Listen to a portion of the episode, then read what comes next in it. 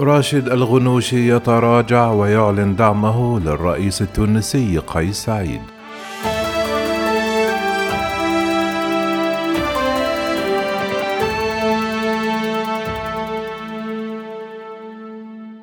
تراجع زعيم حركة النهضة التونسية راشد الغنوشي عن موقفه من الرئيس قيس سعيد معلنا دعم الحركة للرئيس التونسي قال في تصريحات إعلامية سندعم الرئيس قيس سعيد ونعمل على إنجاحه بما يقتضي ذلك من استعداد للتضحيات من أجل الحفاظ على استقرار البلاد واستمرار الديمقراطية.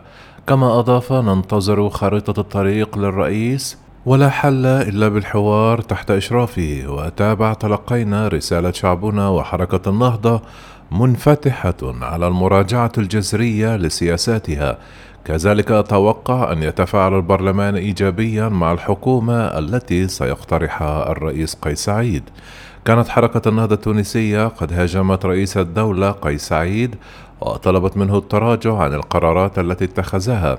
والتي زعمت بأنها غير دستورية وتمثل انقلابا على الدستور. كما أنه منذ إعلان الرئيس قيس سعيد عن قرارات تجميد البرلمان وتجريد أعضائه من الحصانة وإقالة الحكومة تعيش حركة النهضه أزمة داخلية غير مسبوقة وذلك بسبب التباين في المواقف بين من يدعو إلى القبول بقرارات قيس سعيد والتعامل معها ومن يطالب باعتبارها انقلابا.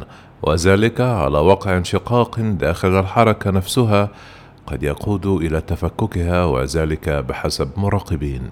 في وقت سابق حذفت صفحة حركة النهضة على موقع فيسبوك تصريحا منسوبا إلى رئيس الحكومة راشد الغنوشي قال فيه أنه يجب تحويل القرارات الاستثنائية التي اتخذها الرئيس إلى فرصة للإصلاح وأن تكون مرحلة من مراحل الانتقال الديمقراطي وذلك في تحول مثير لموقف راشد الغنوشي الذي كان من أبرز المعارضين لهذه القرارات.